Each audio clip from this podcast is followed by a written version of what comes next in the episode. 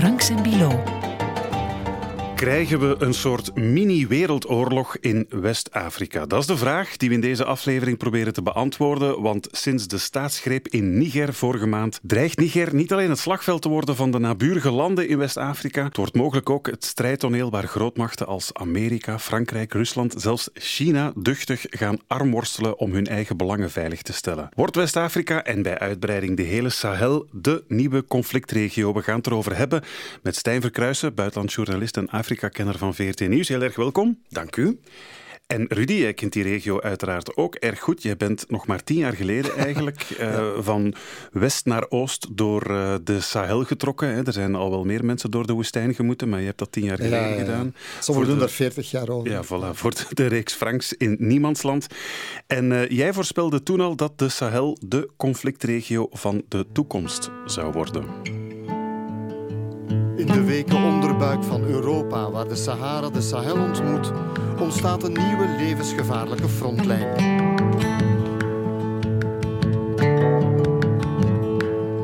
Er broeden conflicten die de komende jaren ons zullen blijven overvallen.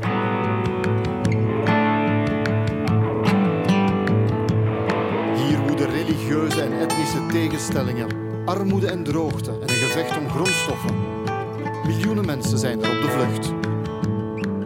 Hoor al veel dingen passeren die we vandaag ook nog gaan eh, benoemen, denk ik. Ik hoor religieuze, etnische tegenstellingen, armoede, droogte, gevecht om grondstoffen. Die ingrediënten waren er tien jaar geleden al. Ja, en waarom ik dat per se wou doen door niemand, omdat ik het niemandsland noem. Niemandsland is eigenlijk een gebied tussen die, een breuklijn eigenlijk. En eigenlijk zie je in heel die regio breuklijnen. En ik had ook het gevoel, het was een van de oudste oorlogen die ik kende van, van mijn job, was met Somalië. En dat gaat dan via Ethiopië tot tot eigenlijk Niger, Mali, waar al die breuklijnen samenkomen tussen Zwart-Afrika, de Sahelstreek, tussen mm, katholiek of animisme of christelijke animisme en de, en de islam, waar jihadisme woedt, waar, waar eigenlijk een soort van in niemandsland is een zone waar alles kan en alles ook dreigt fout te lopen. Ja. En de afgelopen maand is er dus nog een uh, ja, nieuw conflict bijgekomen met die koe in Niger. Terwijl Stijn Niger toch net bekend staat, of tot voor kort althans bekend stond, als een van de stabielere landen eigenlijk in die uh, regio daar in West-Afrika. Van waar dan toch plots die staatsgreep? Wel, stabiel. Het, um, er was veel vertrouwen van westerse landen, de Verenigde Staten, Frankrijk, Europese Unie, China in de stabiliteit van Niger. Maar we vergeten de geschiedenis, alles uh, snel. Er zijn toch wel al vijf succesvolle staatsgrepen gepleegd in uh, Niger en nog veel meer pogingen tot staatsgreep. Dus politiek stabiel is het niet helemaal. Er heerst uh, jihadisme uh, in de omgeving. Het is ook nog altijd het armste land ter wereld, of een van de armste landen ter wereld. Het is te zien waar je uh, naar kijkt. Maar goed, het was de laatste betrouwbare bondgenoot voor het Westen uh, in de strijd tegen het jihadisme. Want als je nu kijkt op de kaart van Afrika, dan zie je een strook van de Atlantische Oceaan tot aan de Rode Zee met een ja, onafgebroken strook van landen waar allemaal militaire juntas aan de macht zijn. Ja, want dat is wat ik eigenlijk wilde zeggen. Die president Bazoum die nu opzij gezet is, dat, dat was toch een democratisch verkozen president. Misschien een van de laatste nog in de regio daar. Dat was een democratisch verkozen uh, president, inderdaad. Maar die ook goed moest opletten uh, met wat hij deed binnen het leger. Eigenlijk was dat ook de aanleiding voor deze staatsgreep. Um, er waren generaals die niet tevreden waren met zijn militaire hervormingen. Militaire hervormingen die eigenlijk over het algemeen wel als positief werden gezien, want het geweld in de regio, zeker het jihadistisch geweld, is onder Bazoum gedaald. Men dacht eigenlijk dat hij goed bezig was. Maar die generaals die waren niet tevreden met die verandering van postjes, vreesden ook voor hun eigen postje. En zo is die staatsgreep ontstaan. Eigenlijk een ordinaire machtsgreep om de macht, helemaal niet voor het goed van het land. Maar is het vaak zo daar dan? Dat het om ordinair om postjes gaat en om de macht over te nemen gewoon? Nee, elke staatsgreep heeft zo zijn, zijn andere reden. Um, in uh, Niger zijn ze nog altijd aan het analyseren en denken van wat was hier nu die echte reden voor die staatsgreep. Nadien wordt er dan gemakkelijk een reden gegeven, namelijk die anti-westerse, anti-Franse gevoelens. Maar als je kijkt in Mali, daar heeft de militaire junta uh, eigenlijk heel veel steun genoten van het Westen, maar ook bij de bevolking, omdat ze een einde wilden maken aan de corruptie, de onveiligheid, het ongelooflijk slechte bestuur van het land. In Benin was het een, ook een heel andere reden. In Sudan had je de, uh, de machtsgreep van het leger na de val van al-Bashir. was ook een heel andere oorzaak. Dus je kan daar geen lijn in trekken, behalve dan misschien dat je overal uh, ziet opkomen onmiddellijk na die staatsgreep hoe groot de anti-Franse, anti-Westerse gevoelens zijn. Wel, om daarop in te spelen, toen ik daar tien jaar geleden was, toen was het niet omgekeerd, maar ook dat anti-Franse gevoel was daar toen. Maar toen sprak een cynisch of kritisch analist vandaar over dat telkens opnieuw als de contracten met de Fransen moesten herzien worden voor de uraniummijnen in Arlit, waar we naartoe gegaan zijn, was er een nieuwe staatsgreep die gesponsord werd door de Fransen, zeiden ze. Dus de vorige staatsgrepen zijn vaak door de Fransen gesteund geweest. Omdat men meer de eigen grondstoffen, omdat men meer van de eigen grondstoffen wilde Misschien even meegeven, natuurlijk Niger een ex-Franse kolonie. Hè? Ja. Sinds 1960 nog maar onafhankelijk ja, Eigenlijk bijna, bijna, al die landen uh, waar staatsgrepen zijn gepleegd, Guinea, Burkina Faso, Mali, nee, dat zijn allemaal... Um, Franse, ex-Franse kolonies. Hè. Maar dus het, het, die anti-Franse gevoelens zijn eigenlijk, dat is meer bedoeld als van we, zijn, we willen het anders. Ja. En de Fransen zijn diegenen die, die de, de boter gevreten hebben. Ja, uh, wat ze zien is dat bijvoorbeeld grote Franse bedrijven in Niger met winsten gaan lopen en die meenemen naar uh, Frankrijk. De uraniummijnen worden niet ja. uitgebaat door de Nigerezen, maar door een Frans staatsbedrijf. Ik weet niet of je ooit in Arlit al geweest bent. Daar, daar ben ik niet geweest. Dat is verschrikkelijk. Hè? Dat, is, dat is gewoon een stadje dat ziek is en dat leeft van die uraniumexploitatie. En als je die uranium... De Franse Arrivie was dat toen. Als je de, de uitbaters contacteert, dan krijg je niks aan de lijn. Ja. En de mensen zeggen daar, telkens als wij eigen profijt willen halen hier, dan grijpen de Fransen in. Dan komt er een staatsgreep. Laten we eens even luisteren anders. Misschien naar een fragmentje uit jouw uh, reportage, die uh, Franks in Niemandsland. Je bent inderdaad in Arlit geweest, daar uh, gesproken met mensen in de mijnbouw, de ja, lokale uh, bevolking werd voorgehouden dat Arlit dankzij die mijnbouw, dankzij die uraniumontginning, het Parijs van West-Afrika zou worden. Maar ja, zo naïef zijn ze daar natuurlijk ook niet. Ils ont réuni la population ici, ils leur ont dit, bon, quand on va produire de l'uranium, Arlit sera comme Paris. C'est pourquoi d'ailleurs on appelle Arlit deuxième Paris. Alors je vous demande de regarder qu'est-ce qui ressemble à Paris. C'est pas sérieux, c'est inhumain ce qu'ils font. C'est sauvage l'exploitation de l'uranium nigérien. Nous, nous n'allons pas l'accepter. Vous êtes fâché Très fâché. Très fâché. Het zegt veel over het ja, anti-Franse gevoel. Ik kan er nog bij zeggen, dat, is, dat zie je dan natuurlijk in een documentaire niet. Ik had slechte oude kleren, want dat is zo afgesproken, oude kleren meegepakt, omdat heel het zand, al die uraniumexploitatie die dan in, bijna in open lucht is, de afval die daar... Dat is, alles is daar besmet. Hè. We hadden geigertellers bij en we hebben al onze kleren gewoon achtergelaten. Hè. Gewoon, ja, dat, dat is toch... Ja. Er worden heel veel mensen ziek. De milieuvervuiling is ongelooflijk. Ja. Ja. ja. Maar om terug te komen op wat je daarnet zei, dat staatsgrepen um, worden gesteund door de Fransen. In dit geval is dat dus niet, hè? niet het geval. Want, want die president Bazoum ja is de man van Frankrijk. Hè? Ja. Dat is de man die, die ervoor koos om, om allianties aan te gaan met Frankrijk. En daarom dat die nu ook zo nerveus reageren, die Fransen. Hè? Als ik uh, hoor bij uh, diplomaten die daar nu zitten in Niger, dan hoor je dat de Fransen erg arrogant uh, reageren hè? en daar alles doen om, om naar de baas de, van de diplomatie te blijven. Tevoren, telkens als een president wou meer geld van de Fransen krijgen voor zijn contracten, ja, dan werd er een staatsgreep gepleegd, door hen georchestreerd. En nu krijgen ze een koekje van eigen deeg. Ja, zo zou je het kunnen zeggen. Ik weet niet, ik zou het zo hard niet durven maken dat het door hen georchestreerd is, maar je ziet wel. Gisteren heeft Macron uh, alle ambassadeurs toegesproken. Dat doet hij elk jaar. En hij heeft daar zich heel onverzettelijk getoond. En gezegd, wij steunen de democratie, democratisch verkozen leiders van die juntas moeten wij niets weten. Maar iedereen lijkt vergeten dat nog maar twee jaar geleden Idris Deby, de president van, van Tjaad, omkwam door, door een, in, een, in een aanslag. Zijn zoon heeft ongrondwettelijk de macht in handen genomen.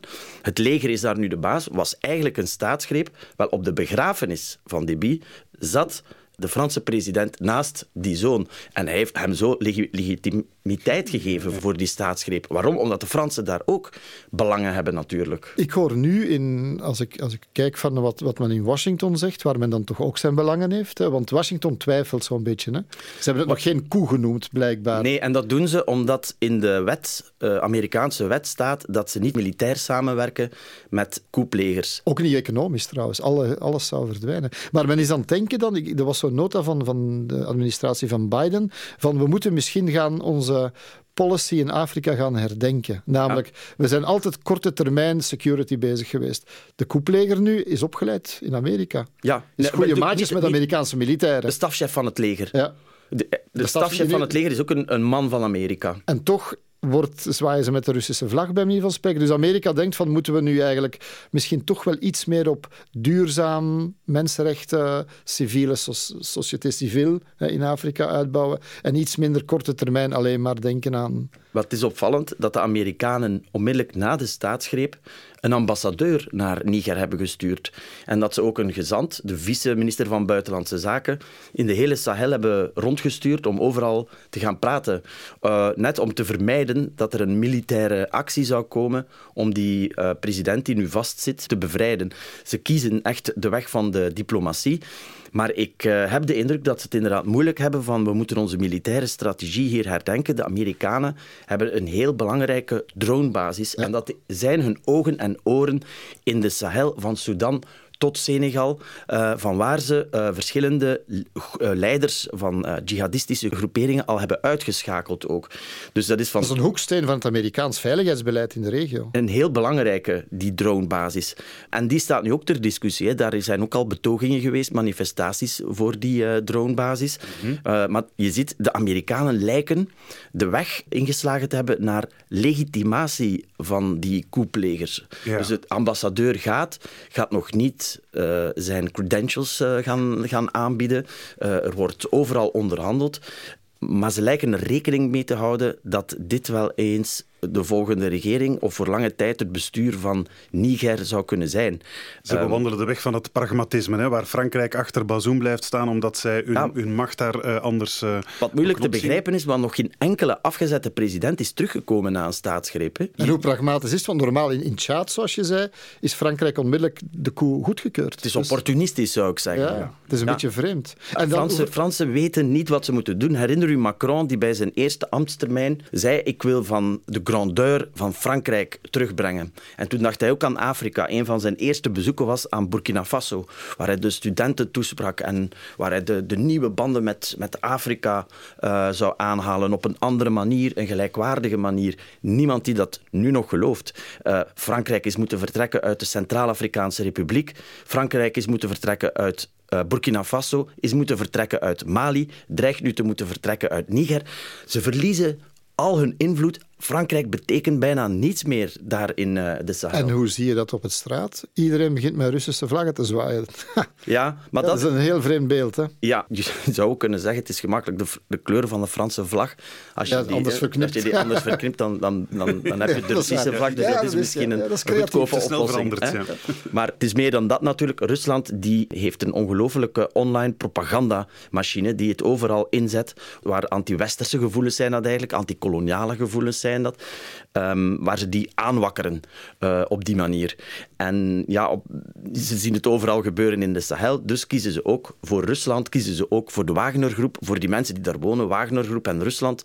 Dat, is één pot. Ja. Dus dat, dat, dat verschil maakt voor hen. Uh, Wat hebben de Russen te bieden aan Niger bijvoorbeeld. Behalve wat Russen... een paar duizend Wagner-soldaten eventueel. Wel, en uh, Rusland is de grootste wapenexporteur nog altijd, of de wapenimporteur in uh, Afrika. Maar voor de gewone mens die met de vlag zwaait, als de armste land, in, een, in een corrupt land... Ja, maar daar, werkt die, daar werkt dat antikoloniale discours. Dat, dat werkt nu zeer goed. Maar dat brengt geen brood op de plank Nee, nee, nee. nee. Maand, ook, ook overal waar Rusland zijn voet of zijn vlag plant, gaat het slechter. Hè?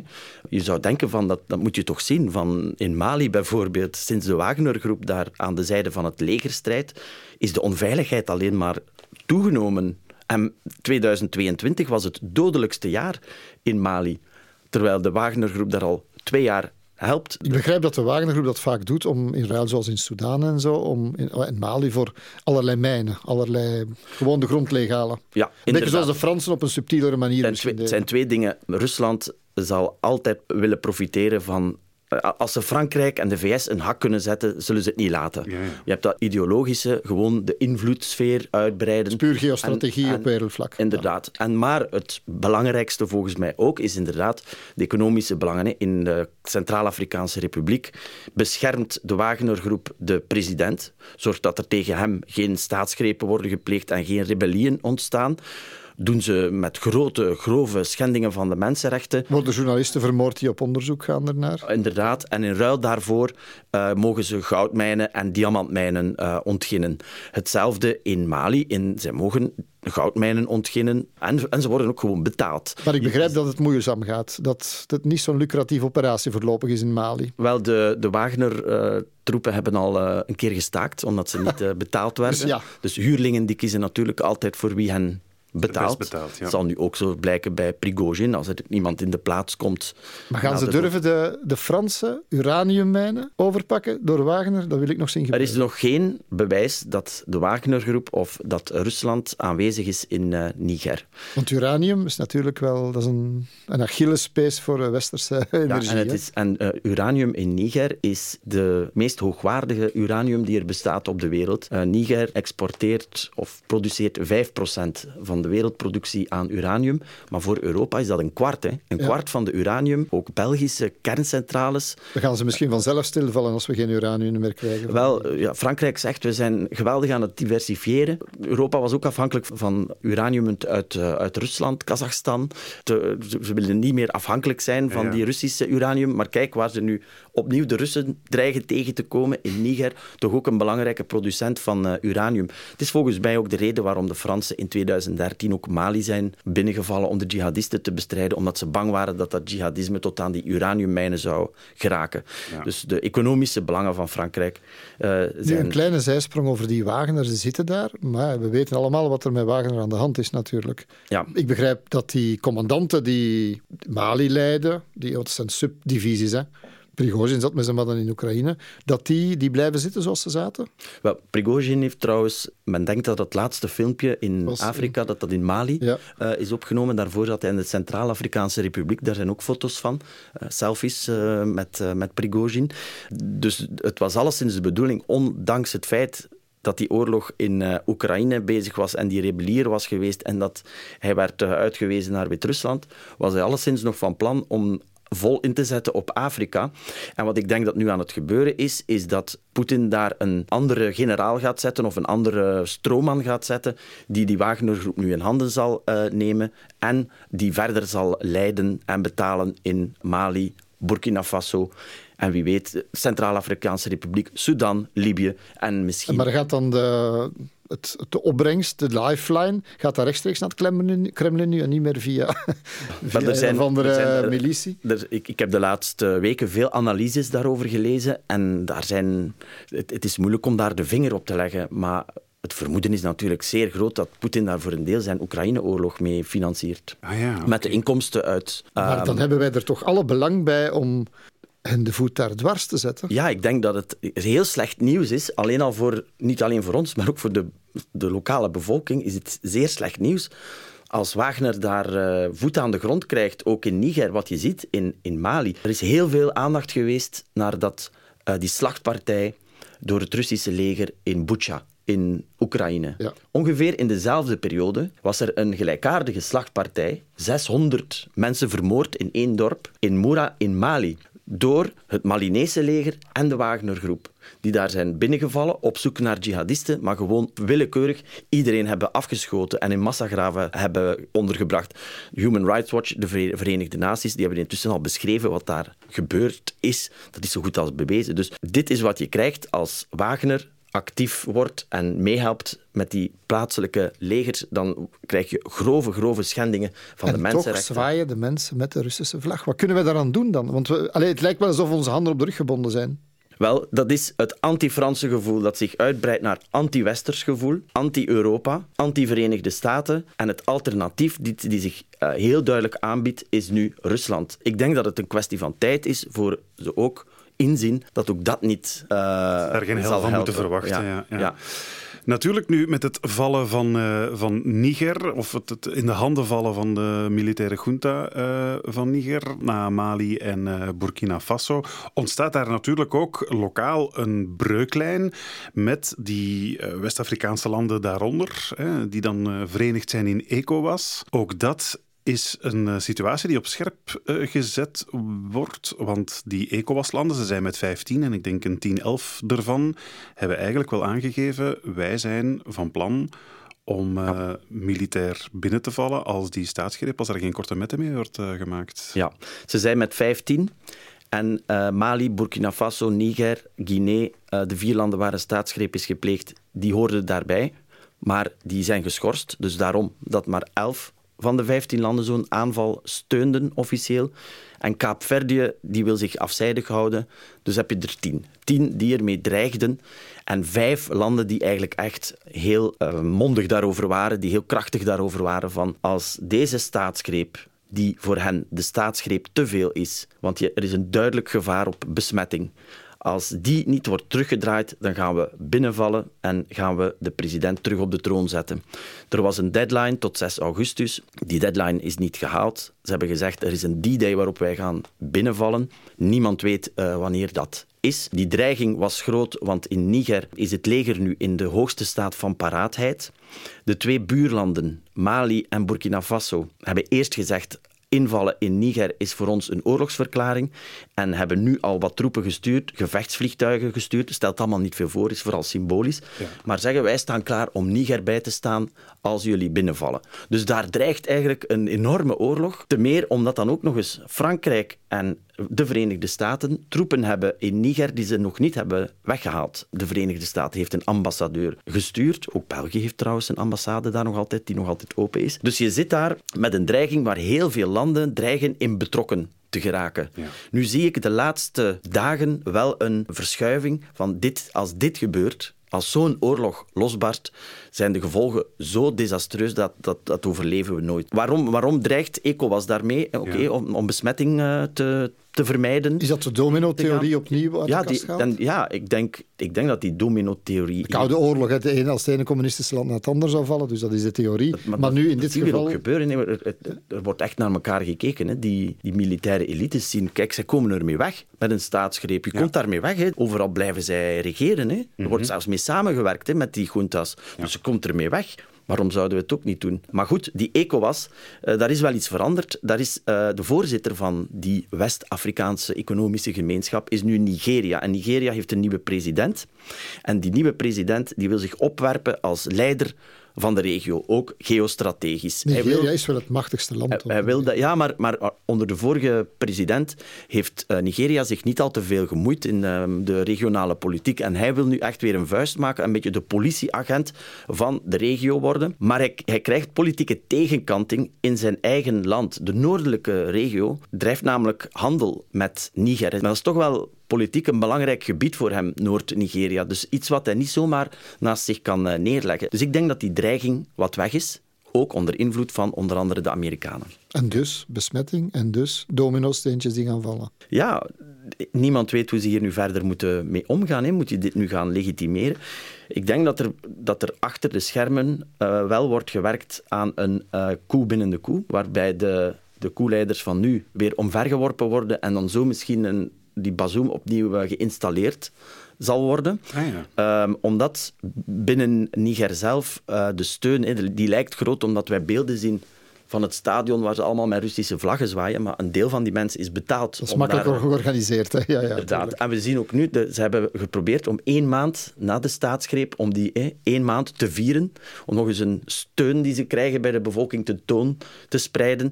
En wat bleek, dat dat stadion eigenlijk maar half vol zat nu. Dus ze zijn er niet in geslaagd om zelfs met betalen... Dus die uh, steun voor die militaire ja, junta zou niet zo groot zijn hebt, als je hebt de belangrijke groep, Je hebt ook de belangrijke groep Tuareg die niet akkoord gaan met wat uh, nu aan het gebeuren is. Tuareg die eigenlijk met de opstanden begonnen zijn, zowel in Mali als in Niger, tegen het centrale regime die meer ja. rechten willen. Dat zijn degene, de mannen van de Sahel, zeg maar. Hè. Dat, ook, maakt het dat weer extra. Dat is ook, als je, weer, als je weer kijkt, de hoofdstad Niamey, dat is niet de plek waar Bazoum zijn stemmen heeft gehaald. Hij heeft dat gehaald op het platteland, waar hij ook meer veiligheid heeft gebracht. Degenen die nu de generaal steunen, die komen vooral uit Niamey en niet uit de periferie. Uh, maar dat is toch een belangrijke groep van de bevolking. En ja, dat zie je nu allemaal niet gebeuren. Het zou kunnen als blijkt dat bijvoorbeeld het geweld stijgt. Wat gebeurt? Hè? Het, het, geweld is aan het groeien, hè? zeker van, van de jihadisten. Um, tot nu toe kon Niger dat enigszins ja, buiten. Zoals overal, als er een vacuüm komt, die, vullen, die springen in het gat. En die beginnen overal chaos te, te gebruiken, jihadisten. Inderdaad. En dat gaat daar ook zijn dan. En dat, ja, ik, ik zie dat nu al gebeuren. Ehm, de armoede, je, je, moet weten, de sancties die Niger opgelegd krijgt, die doen echt pijn, hè? die bijten. Hè? In de hoofdstad Niamey en in steden waar er elektriciteit is, 70% van die elektriciteit komt uit Nigeria en Nigeria heeft de toevoer stilgelegd. Dat wil zeggen dat die dus bij voortdurende stroomonderbrekingen zitten. Prijs van eten is de hoogte ingeschoten. Er zijn, niet alle eten is er aanwezig, omdat Niger is een, is een ingesloten land, heeft geen haven. Dus is helemaal omringd door landgrenzen. De toevoer is stilgevallen van voedsel, dus die prijzen schieten de hoogte in. Een um, jerrycan benzine is op een paar weken tijd verdubbeld. Maar daar, daar gaan de mensen Stijn, kwaad. Dat lijkt me dan toch dat dit regime ten doden is opgeschreven. Ja, en misschien is dat waar die, die diplomaten nu aan het, uh, ja, aan het... Ze hopen dat dat, dat, dat zal gebeuren, Ze wachten af, ze, ze, ze, masseren een beetje. Ja. En intussen denken ze dat er misschien een oplossing van binnenuit is. Nog uh, heel kort, Stijn. We hebben het hier al gehad over de... De grootmachten die ook inwerken op uh, dit conflict, Frankrijk, de VS, Rusland. Maar ik lees dat ook China daar eigenlijk wel uh, economische belangen heeft of probeert uh, veilig te stellen. Zij zouden daar uh, in de olievelden zitten, klopt dat? Ja, er zijn twee dingen, economisch en, en militair. Voor eerst, China heeft in begin juli is nog op bezoek geweest um, in de hoofdstad Niamey met de huidige president Bazoum contracten afgesloten. Afgesproken om een uh, pijpleiding aan te leggen, dus olievelden aan te boren en dan een pijpleiding aan te leggen die tot aan de Atlantische Oceaan gaat, via Guinea. Hmm. Een pijplijn van 2000 kilometer. Dat zou betekenen voor Niger dat ze eindelijk toegang krijgen tot de internationale markt ja. met hun olie. Dus dat zou wel eens de levenslijn van de junta kunnen zijn, als, want China trekt zich van sancties niks aan. Nee. China blijft gewoon handel voeren met diegene. Zij zeggen nu ook, jullie moeten praten. Hè. Zij, veel meer heeft China daar niet over gezegd, over de oplossing van deze crisis. Ze gaan gewoon door met wie daar aan, het is nu niet Bazoum, okay, dan gaan ze door met de militaire junta. Ook weer pragmatisme, opportunisme. Voilà. Dus economisch heeft uh, China daar alleszins belangen en uh, grote bedrijven ook, die daar ook al kantoren hebben. Maar uh, militair begint China, die zich eigenlijk militair altijd op het oosten en zuidelijk Afrika heeft gericht, zich nu ook te mengen in West-Afrika, omdat ze zien dat die invloed van de Fransen en de Amerikanen talende is. En zij willen ook daar uh, in het gat springen en gaan daar trouwens rechtstreeks in concurrentie met Rusland. Het is niet omdat Rusland een bondgenoot is bij de BRICS-landen en zo dat ze die concurrentie niet aangaan. Er is in Senegal uh, nu een kantoor neergestreken van de grootste wapenproducent van China. En van daaruit willen ze de rest van de regio van wapens voorzien. Dus China begint ook daarop in te zetten. Ze houden zich heel stil hè? Ja, ja. in uh, Niger en Mali en Burkina Faso, maar onder de oppervlakte zijn ze wel aan het praten. Ja, dus Niger en bij uitbreiding daar West-Afrika, dat Sahel, het wordt zoals op veel plaatsen in de wereld ook een beetje een proxyoorlog van uh, de grootmachten daar. Hè, die natuurlijk ja, je merkt dat de hele wereld zich aan het verscheuren en zetten is. Het overal dat soort breuklijnen wat, beginnen te scheuren. Wat, wat voor mij in heel die regio en eigenlijk bij uitbreiding heel Sub-Sahara-Afrika aan het spelen is, is dat anti-westerse sentiment. Je ziet bijvoorbeeld in Senegal is er een jonge leider die opstaat, Ousmane Sonko, die een regelrecht gevaar vormt voor de huidige politieke elite en daarom ook veroordeeld is en aan de kant geschoven, zodat hij niet kan opkomen met de presidentsverkiezingen.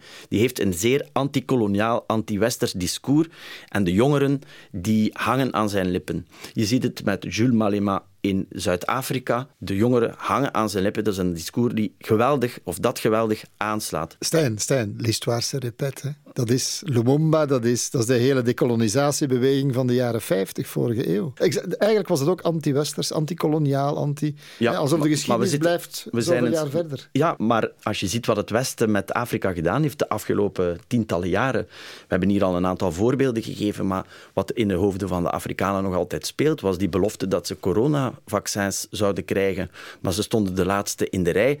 En is nog altijd maar amper 20, 30 procent van de Afrikanen gevaccineerd.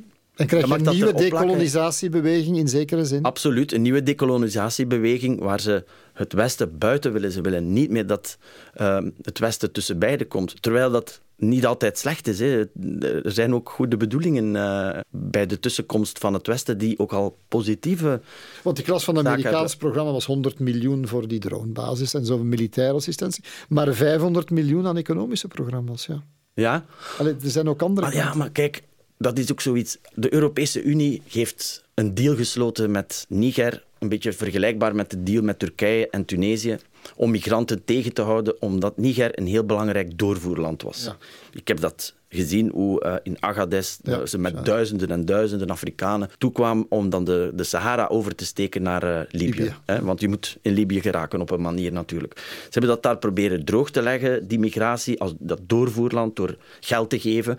Maar dat geld dat heeft eigenlijk bijna niets opgebracht. Hadden ze dat nu gegeven aan echt economische programma's of echt programma's die um, instellingen sterker maken, die mensen um, hielpen om bijvoorbeeld aan geboortebeperking te geraken. Want Niger is het land waar vrouwen het meeste kinderen krijgen. Ja. 6,7 kinderen per vrouw, dat is gigantisch. Om de jongeren aan jobs te helpen. De helft van het land is jonger dan, dan 20 jaar, denk ik. Dus daar komt een enorme golf uh, jongeren op de arbeidsmarkt terecht die niet aan werk geraken. De frustratie groeit en dan, krijgen we, en dan komen we terug bij dat jihadisme die daar een vruchtbare bodem vindt om uh, jongeren te recruteren. Want zonder recrutering ter plaatse kan dat jihadisme nooit zo groot worden en zo belangrijk als het nu is. Het is niet het laatste wat we over Niger en uh, de Sahelregio gaan uh, vertellen in deze podcast, heb ik het gevoel, uh, Stijn. Om nog juist even te eindigen bij de beginvraag. Is er een soort West-Afrikaanse mini-wereldoorlog op til? Wel, ik zie dat er nog nooit zoveel internationale betrokkenheid geweest is, zeker van het Westen. Dat is ongekend bij uh, of na een staatsgreep in een Afrikaans land uh, van de jongste drie jaar. Hè. Wel, nog nooit was die westerse betrokkenheid zo groot als nu. Dus ik denk dat ze er alles zullen aan doen om een oorlog te vermijden. Eén ding moet je beloven. Dat het niet begint voordat de podcast uitgezonden wordt. ja. Inderdaad. Maar ik denk niet dat hij zal beginnen voor uh, de podcast uitgezonden wordt. En um, ik denk dat ondanks die grote betrokkenheid, dat we hier, of misschien door die grote betrokkenheid, dat we hier inderdaad opnieuw gaan. We gaan het boekje van hoe pleeg ik een succesvolle staatsgreep is tot nu toe perfect gevolgd. Deze staatsgreep verloopt op dezelfde manier als die in Mali en Burkina Faso verliep ook de reactie van het Westen daarop. Dus ik vrees dat we naar een soort legitimatie gaan, waar ze een transitie voorstellen, waar ze verkiezingen in het vooruitzicht uh, stellen, om die dan telkens uit te stellen, uit te stellen, uit te stellen. Het enige alternatief is dat er nog een coup binnen de coup wordt gepleegd, wat trouwens ook gebeurd is in Mali en Burkina Faso.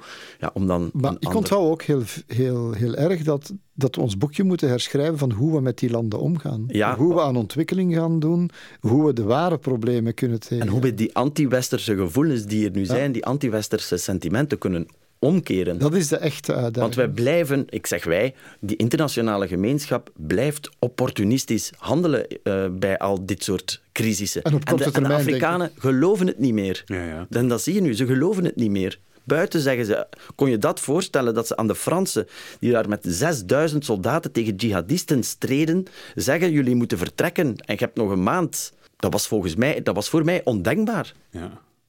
Stijn Verkruijsen, collega bij VRT Nieuws. Jij gaat dat voor ons blijven volgen. Dat, uh, dat voel ik. Heel erg bedankt om naar onze podcast te komen en bedankt voor je heldere uitleg. Dank u, graag gedaan. En Rudy, wij zeggen tot over een week of twee. Ja, absoluut. Ciao. Ciao.